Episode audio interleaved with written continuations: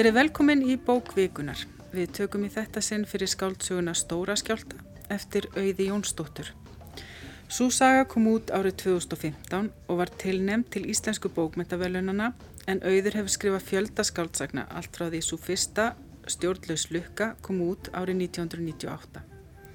Sú bók og fleiri eftir auði Jónsdóttur voru líka tilnefndar til Íslensku bókmyndavelunana og skáldsagan Fólkið í kjallaranum frá 2004 hrefti reyndar þau velun.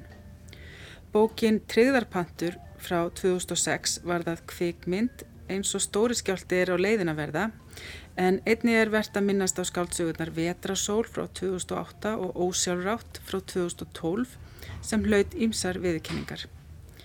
Bókin Þjáningafrelsið, óreiða hugssjóna og hagsmuna í heimi fjölmila sem auður skrifaði með Báru Huld Beck og Steinunni Stefansdóttur fekk svo fjöruverlunin í flokki fræðibóka. Nýjustu bækur auðar eru svo Tilfinningabildingin sem kom út árið 2019 og 107 Reykjavík sem hún skrifaði með Byrnu Önnubjörnsdóttur og er bara nýkomin úr prentsmiðinni. Gesti mínir í dag eru Harparún Kristjánsdóttir, bóndi og bókmyndafræðingur og rítumundur og Guðrún Steintósdóttir, doktor í íslenskum bókmyndum. Verið velkomnar. Takk fyrir. Takk fyrir. Uh, Auður Jónsdóttir, já, hún er komið svona nokkuð voldugt höfundaverk og maður finnur að það er yfirleitt beðið eftir bókunum hennar. Uh, hún á sér svona tryggan lesendahóp. Er þið í þeim hópi? Já, ég held ég hafi lesið allar bækur auðar ef mm -hmm. frá eru talda barnabækunar hennar mm -hmm. og ég hlakka til að lesa nýjustu bókina. Já. Já, ég er mjög spennt fyrir nýju bókinni. Ég hef ekki lesað hana eins mikið en, en svona, já, alltaf því svona þrjár fjórar. Mér erist það. Mm. Hérna, ég er ekki eins duglega og, og þú. En mjög spennandi þessi nýja. Ég er afar spennt fyrir svona öllu sem að gæti mögulega dottið inn á skvísusögu hérna ásinn, sko. Já, hún á að vera svona humorísk mm -hmm. og mhm. hérna, já. já. Myndið treyst ykkur svona til að lýsa höfundrengjanum auðar svona út frá því sem þið hafi lesið? Þú kannski þekkir að betu guður Sko, um, að það er svona eitthvað sem ég á að segja, mér finnst mest einkjanna verkin hennar, þá er það kannski flókin fjölskyldu samskipti, ekki mm. síst á milli maðra og dætra og það eru oft uh, tókstreita í þessum samböndum vegna kynslabilsins á milli personana og við sjáum það svolítið í skrifum hennar að hún er að skoða hvað áhrif uppbeld og aðstæðar í bernsku hafa á personur og líka hvernig tímin og umhverfið og minningarna móta þær, mhm. hvernig það þroskast og hvernig það takast á við veruleikan, hvort það geta sloppið undan fortíðinni og móta sig alveg upp á nýtt eða ekki. Svo personunarinnar eru mjög, í svona mjög mikið til sjálfskoðun og kannski tengist þetta líka svolítið því hvernig hún vinnur með minnið og, og minningarnar í verkunum sínum vegna þess að personur eru gerðan að rifja upp fortíðina og velta fyrir sér þá hvernig þar hafa mótast, uh, til dæmis jæmt af uppbeldi og umhverfi og ekkert endilega bara þær, heldur líka hvernig sko fóreldrar þeirra og ömmur og afar hafa mótast. Mm. Til dæmis í ósarátt þá er aðpersonan eiga ekki bara að rifja upp eigin fortíð, heldur líka móðu sinnar, ömmu og langömmu og þetta sjáum við líka í stóra skjálta þegar að saga fyrir að rifja upp fortið fólkdra sinna til þess að reyna að skilja hvers vegna þau haga sér eins og þau gera. Og þetta finnst mér líka að vera þráðið sem við sjáum aðeins í tilfinningabildingunni og, og það er endar alveg greinlegt að minnið er auði mjög hugleikið. E, því hún fjallar ekki bara um það í skálskapnum heldur hún líka verið að skrifa greinar um það og halda erindi um það og, og svona mikið að tala um sko hvernig munum við fortíðina og við erum alltaf að nota ímyndunaraflið og fyllin í eigðunar svo við erum alltaf að skálda lífið mm -hmm. og, og þetta finnst mér líka að koma svolítið fram í tilfinningabildingunni og þetta í bókdagsins mm -hmm. í dag Já, hún er einmitt sko, hún er svo mikið skáld og það sem er svo skemmtilegt finnst mér við personunar að þetta er einmitt eins og segir og slóft mm -hmm. kynnslóðsögur og hvernig hún sko hún hendir inn svona ykkur sem er næstu karnivalíst personugaleri, bara alls konar fólk. Mm -hmm. og, og það finnst mér ymmit verða svo fallega raunsætt af því að þannig er þetta aldrei bara lífið. Mm -hmm. og hérna, þú veist það bara kastast að þér alls konar fólk sem hefur ykkur áhrif. Og, og þannig, þú veist þannig skapar hún einhvern heim sem að verður trúverðugur trúverðugur þráttur að vera svona skriðum mm. það, það heillar mig. Já, það er alveg saman að því. Já.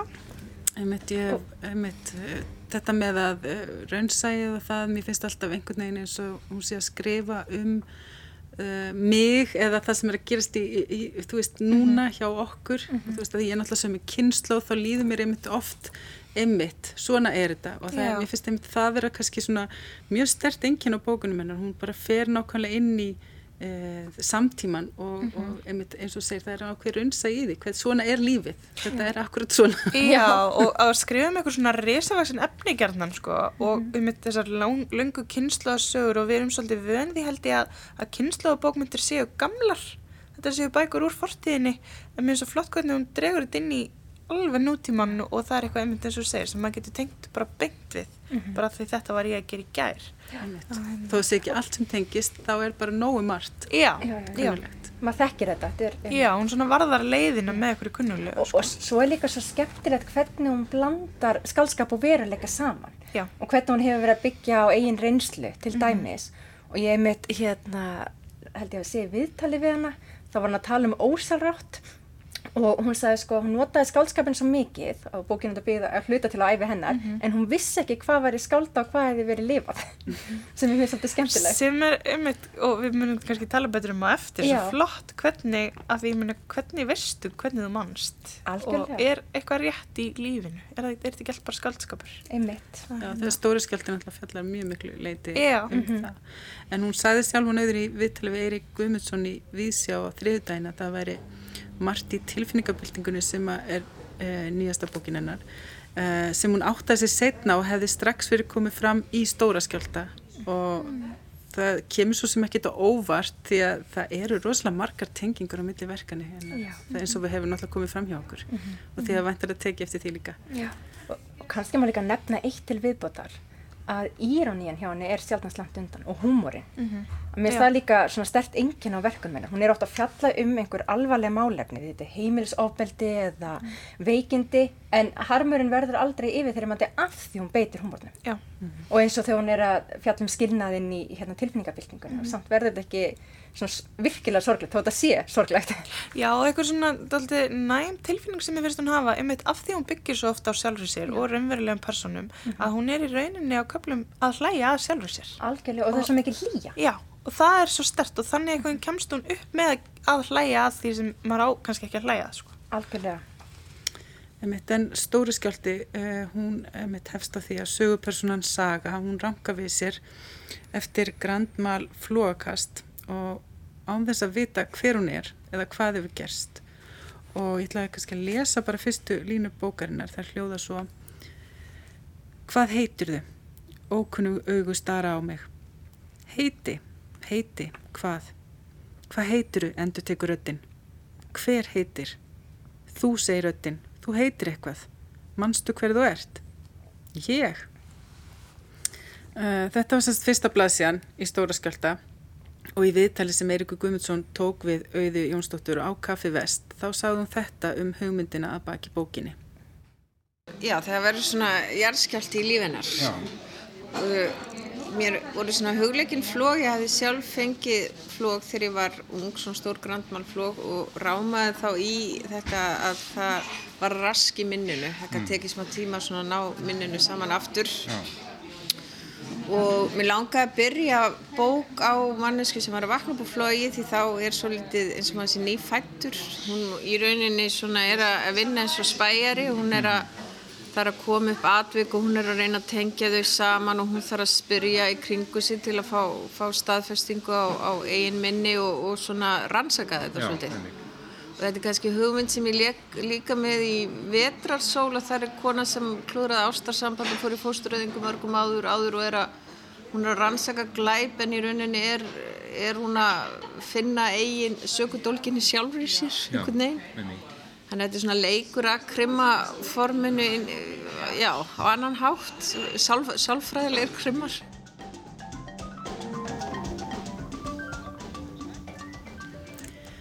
Hér sagði Auður Jónsdóttir frá byrjuninni á skáldsögunni Stóra skjálta og þeirri spennu sem byggist upp í frásögninni en í hönd fer leit aðalpersonunar sögu að upplýsingum um það hvað gerðist en einnig um hana sjálfa og sambönd hennar við sína nánustu, við fjölskylduna en ekki síst eiginmannin Berg sem hún erfitt með að skilja að sé nú fyrfirandi eiginmaður.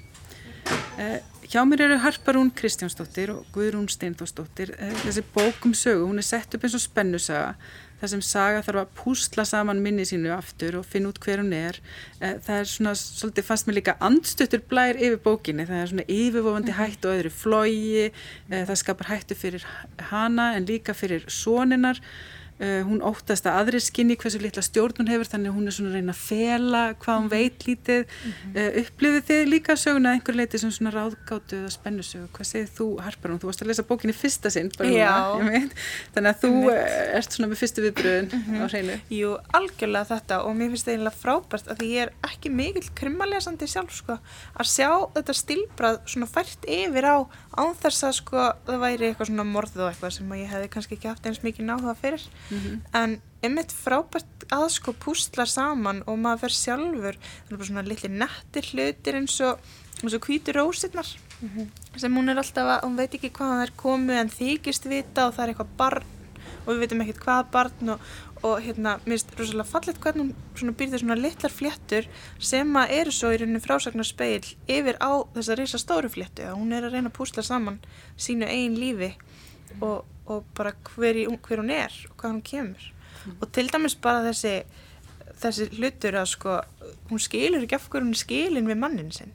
Þetta er í rauninni algjörlega frábært ef maður veldir í fyrir sér. Mm. bara allir skilnaðir, ef þú getur bara þurkað allt út sem allir skilnaðinum þá er hún ennþá rosa skotin í manninum sínum sem er fast eitthvað svo fallegt. Já, og það er eins og, þú veist, hún bara er með ennþá með tilfinningarlegu svona minningarnar, líkamlegu minningarnar eiginlega þannig að af hverju er hann ekki hjá mér mm það er svona vandareilega þetta var eitthvað svo fallegt, það er einlegt og fallegt fannst mér það, mm. bara... það er náttúrulega algengt líka að nota minnisleisi til þess að kannski bara reynlega knýja áfram svona fléttu í spennusögum mm, algjörlega og það er náttúrulega stóra rákátan í bókinni að hún er spæjar hún er að, hún er svona endur fæðist eftir þetta hérna flóakast -hmm. um, og það er vorsilega vel dreyið fram þetta órunveruleika ástand sem að, að flóveiki tala oft um að þeir upplifa -hmm. eftir flókast, það tekur tíma að ná tökum á skinjuninni og skilningnum mm -hmm. og einmitt hérna Saga talar um að hún sé bara eins og gemvera, hún einhvern veginn passar ekki inn í aðstæðana, svo hennar sko ráðgáta er að skrifa sína lífssögu Akkurat. upp á nýtt og einhvern veginn að finna allar vísbendingar, finna öll vinningabrotin til þess að geta byggt sig upp á nýju. Akkurat, og hverjum allar að treysta til að hjálpa þér í þeirri leit? Það er svo merkilegt sko og hver okay. er ég sko hérna, mann eftir einhverju unlingabóka og svo flott eitthvað svona að þú ert það sem þú ert þegar enginn sér til mm. og hún á það ekki lengur Nei. af því að hún á bara minningar sínar sem hún fær frá öðrum Já. um hver hún er Algjörlega og minnið er nú alveg nógu óreiðanlegt án þess að maður sko missi það því að, veist, því að minnið eru þetta einstaklingsbundið og, og mm þótt að tveir geti upplegað sama atbyrð þá muna þeir ekkert atbyrðin á sama máta mm -hmm. en við rifjum upp þessa stundi eftir fimm ár þá munum vinningarna vera ólíkar því við hefum ólík sjónarhóttn á þá Akkurat. og, þetta finnst mér svo hérna, flott í þessari bók hvernig sko hún fer að raða saman þessum brotum mm -hmm.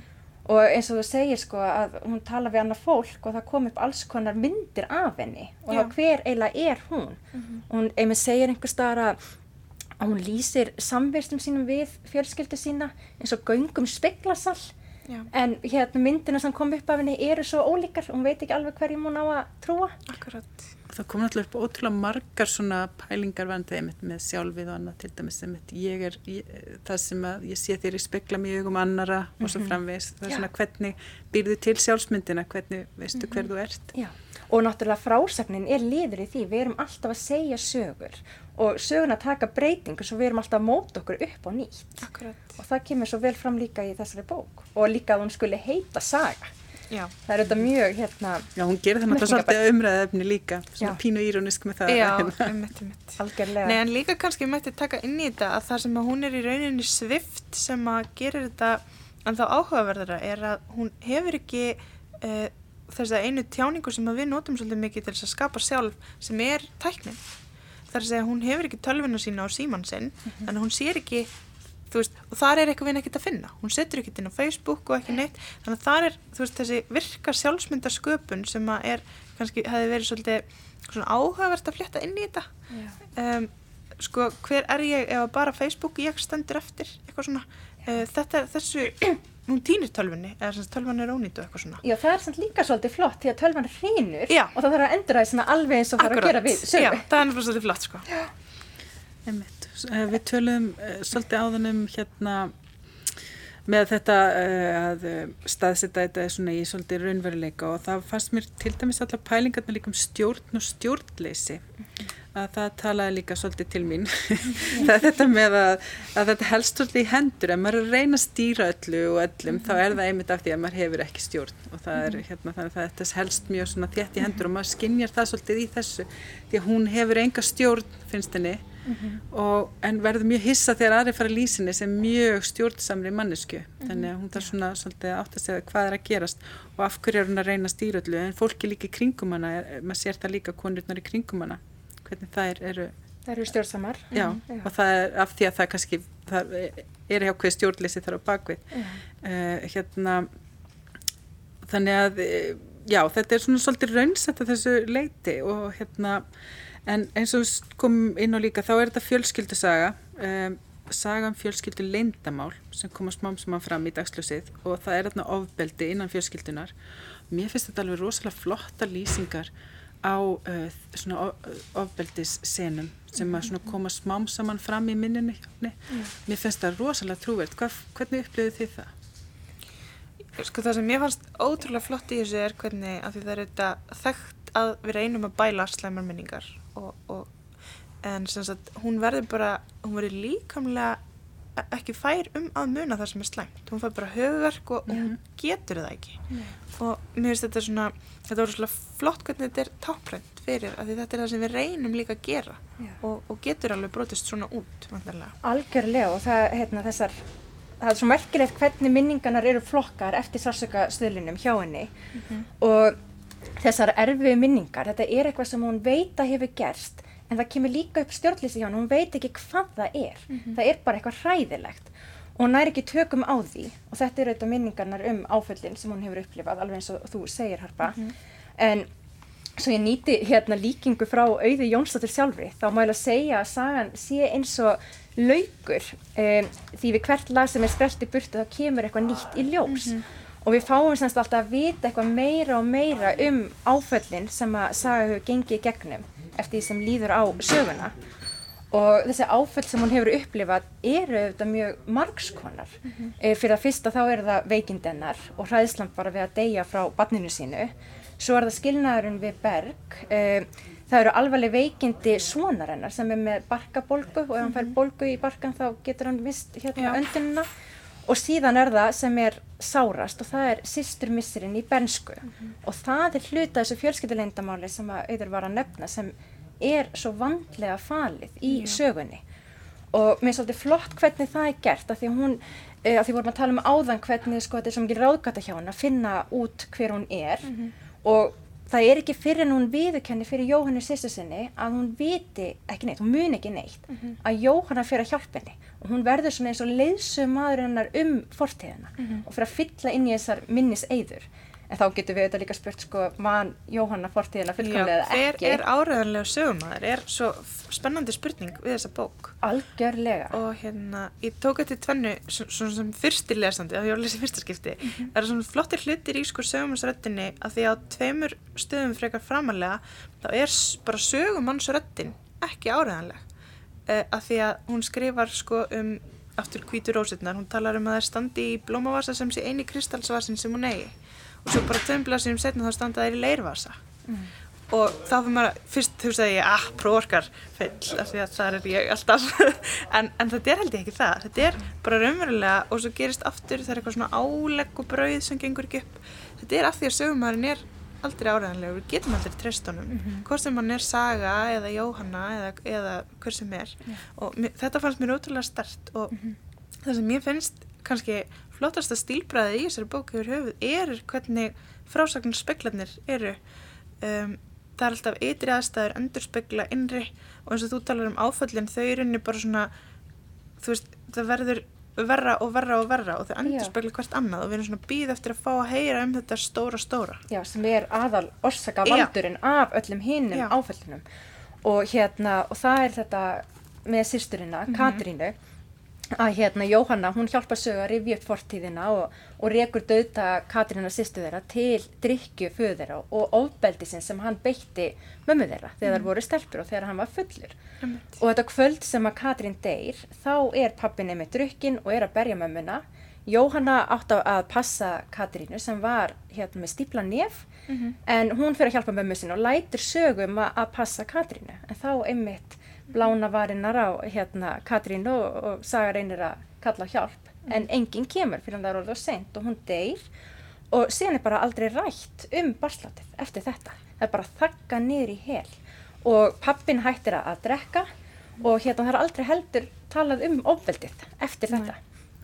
Og það sem er svolítið flott líka í þessu að því við verum að tala um sko tráma og hvernig það byrtist í sögunni er að um, sko það er mjög mísan hvernig fólk minnist tráma sem við tala um að þeir muni allt bara í smæstu smáatriðum og meðan aðri tala um að þeir muni bara ekki neitt.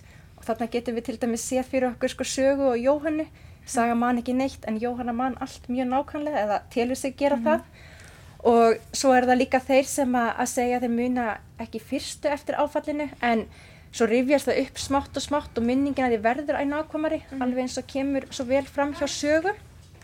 En hérna sem við líka hefur verið haldið fram með trámaminni eða minnum áfall að, uh, að það sé brotakendara en annað minni. Og við munum gerðnan sko ákveðin liftur sem eru kannski hérna innskorði við ákveðna skinnjun til dæmis ímynd, lykt, hljóð, hreyfingu.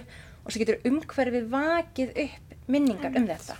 Og það kemur svo vel fram hjá sögu af því að þetta er allt svo brotakent sem hann man. Þegar Jóhanna fer að rifja upp þennan atburð þá fara að vakna upp leiftur hjá sögu um það en hún nær samt ekki hilstar í minningu.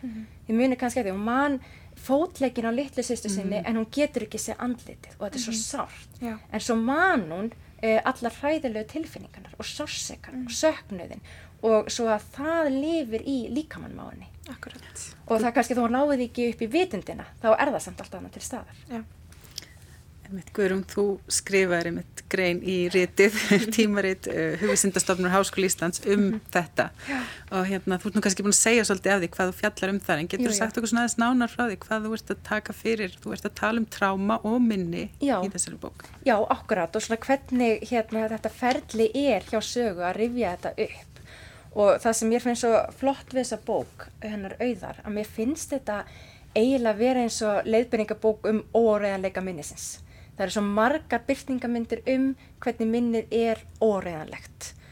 Og, og það er einmitt uh, eins og þetta sko að þegar hún fer að rifja upp uh, þennan atbyrðum sýstu sína hann er algjör líkill af öðrum áföllum sem hún hefur upplifað.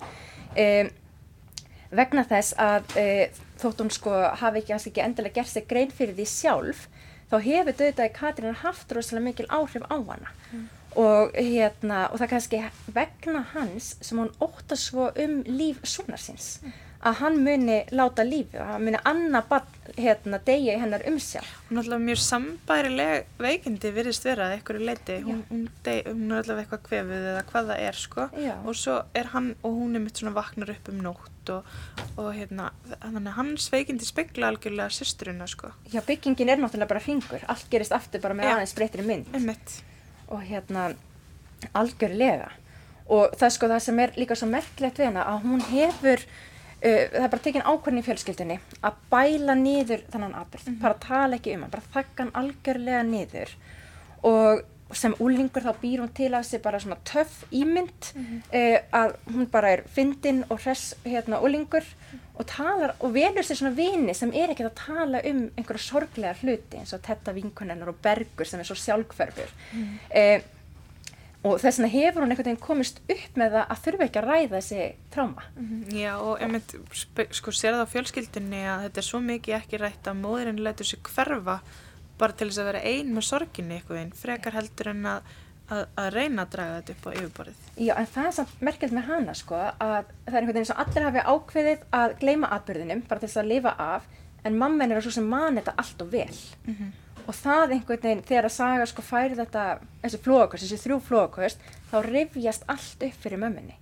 Þá rifjast upp hún hefur mist dóttur sína þetta er- gerist á sama tíma um haust og hérna, og einmitt, hún lætur sér bara hverfa. Áfallasreitur öskunin er svo mikið hún höndla bara ekki að vera í kringum þetta fólk í kringum hennan atbyrð og auðvitað á hann þá líka hérna þátt í því að við halda þessari þöggun með því að, láta Já, sér hverfa. þetta er einmitt að þú talar um ringin sko, þetta verðist vera eitthvað bara sem gengur í fjölskyldinni, bara nú er mamma einn horfin og þú veist alveg af hverju. Og það sem kannski stuðar sögum mest á þessum stað er að hún veit ekki af hverju. Og allir einhvern veginn gangi út frá því að hún veit það og vilji bara ekki tala um það eins og allir hinnir en, en það er ekki þannig hjá henni sem þetta, þetta er þetta er svo óbúslegt álag og svo það kemur fram sem sagt eftir þessi líður söguna að það er kannski ekkit einkennilegt að hún fái flóð af því hvað mikið hefur verið að gerast í hennar lífi og það er eitthvað bara svona byggist ofan á, það gerist alltaf meir og meir og verður verra og verra. Já, og einmitt, sko, hérna, streyta og þreita er talin geta orsakað flók. Já. Og hún, hérna, Tinnar Rapsdóttir, hún er einmitt bent á það að það sé hægt að skoða, sko, flókastinni upphafi sem líkingu fyrir það að hlaupa vekk. Og það er einmitt bara það sem Saga gerir. Hún er nýskilin, hún er með veikt barn, það eru fjárhagsvandræði, hún er ekki alveg að finna sig í vinnunni og það er álægi rosalega mikið. Og sko hún hefur alltaf komist upp með það að þakka niður þessi áföll og bara halda áfram. En þegar að hún eignast veikt barn, þá gengur það bjargað ekki lengur upp. Nei. Af því að hún þarf að vaka yfir því og það vita allir af þessu.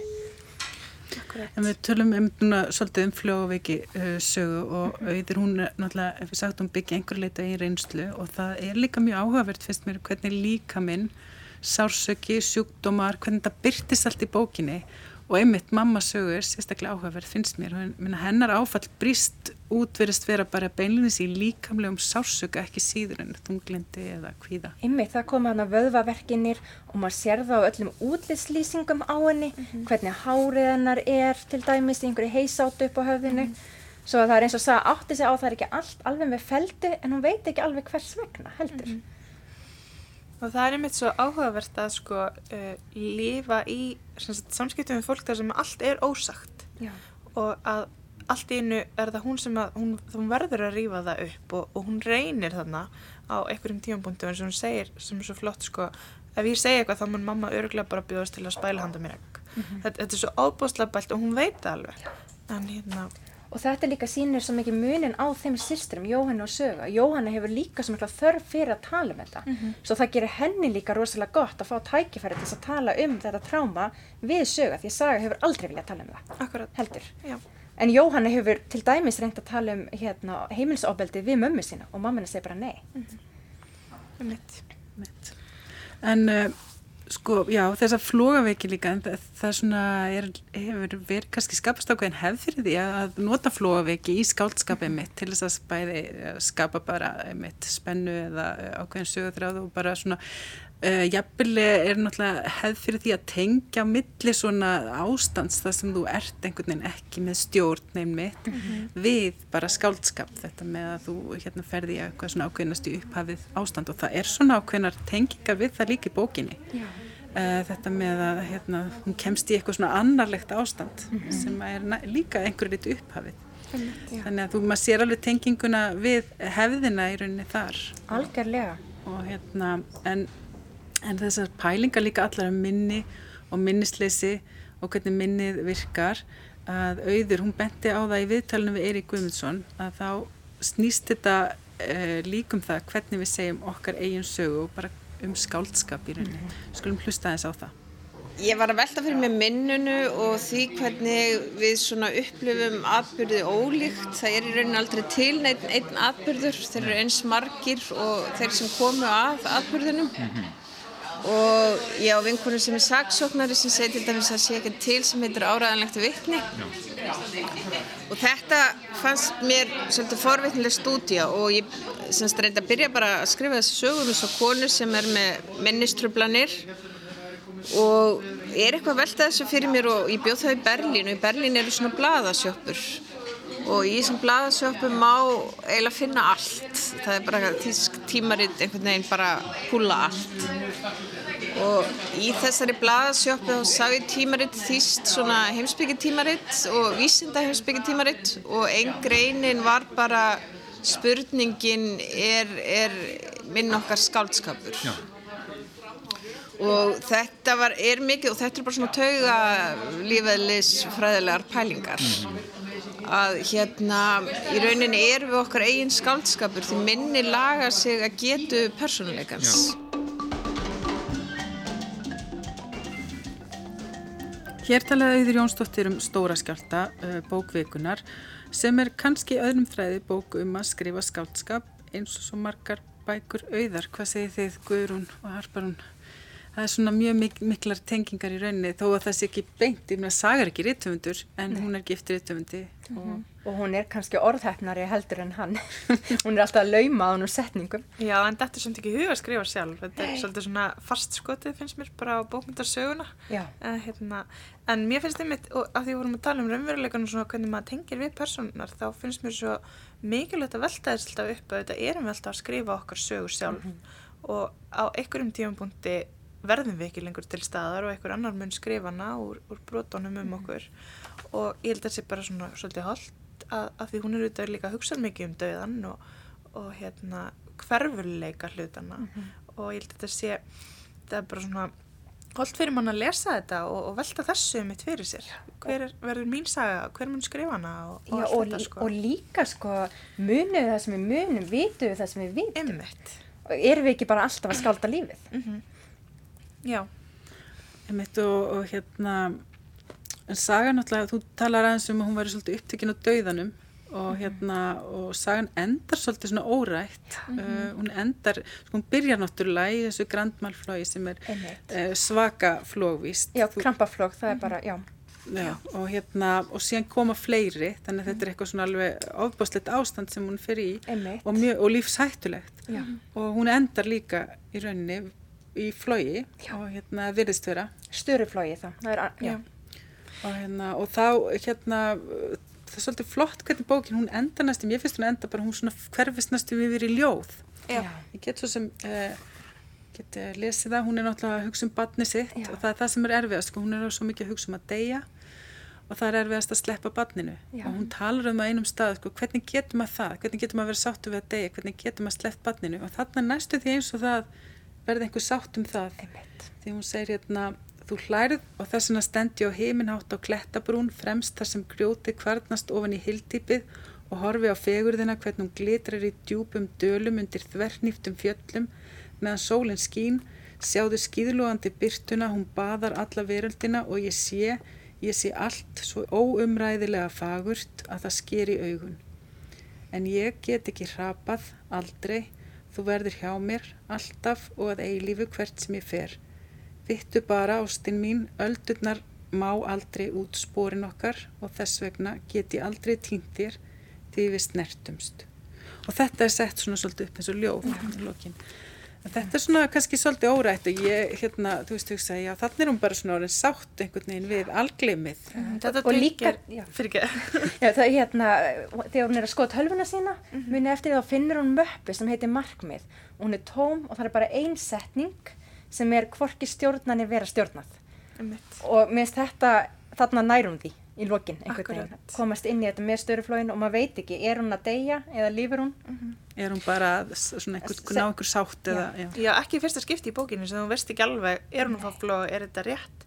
En mér finnst líka að þetta tengirst við sko þetta upphafnar sem þú veist að hafa, tala um áðan, auður að hún fer upp fyrir hlutina, mm -hmm. uh, en líka mér fannst sko að þetta ljóð ekkert síður vísa til dánu systrunar, að þetta kemur á einum stað fram þegar hún er heima í foreldrum sínum og hún sér hana fyrir sér sitjandi á eldhúsbekknum og mm -hmm. segir já þarna er hún, auðvitað er hún alltaf hjá þeim mm -hmm. og, og þetta með sko hver er hjá hverjum og, og þú veist þetta með að snertast og já. þetta er, þetta er rosalega sterkur endir mm -hmm. og, og svona hann, talandum opinn endi, hann er hefðin opnar á allt Algjörlega Opinn fyrir tólkun Já, já sem er svo skemmtilegt mhm.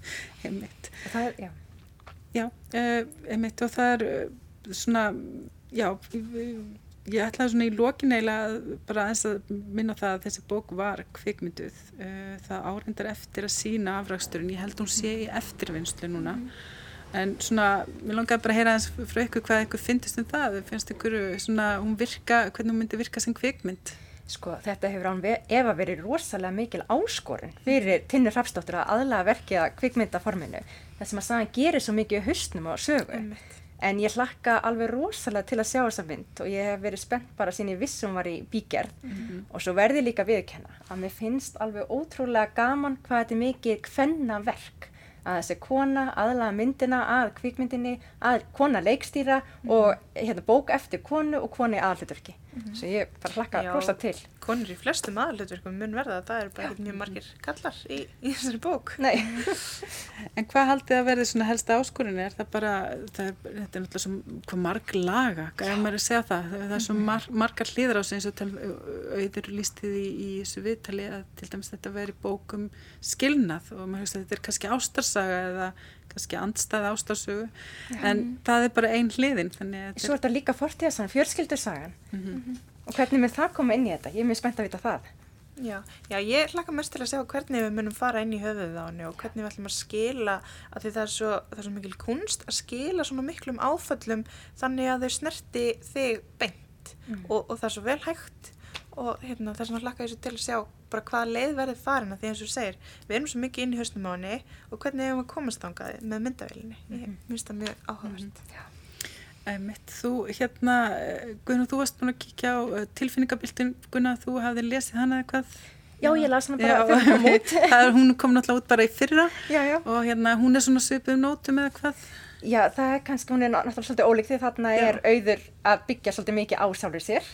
Í tilfinningabiltingu? Já, það eru skýrari tengslar á milli. Hún sá henni í viðtali að hún hérna nýtti þessu flóveikina þegar hún var að skrifa um hérna sögu í stóra skjálta en á öðru leiti þá var personan alls ekki byggða henni.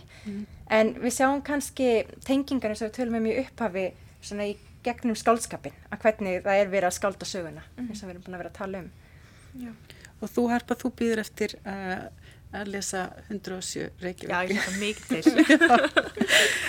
En þar með líkur bókvikunar, uh, Guðrún Steinþórsdóttir og Harparún Kristjánsdóttir voru gestir og rættu við mig um skáldsöguna Stóra skjálta eftir Auði Jónsdóttir. Takk fyrir komuna Guðrún og Harparún og hlustendum bendi á að nálgast má viðtöl og annað tengt bókvikunar á heimasíðu þáttarins rú.is skástrygg bókvikunar. Verið sæl.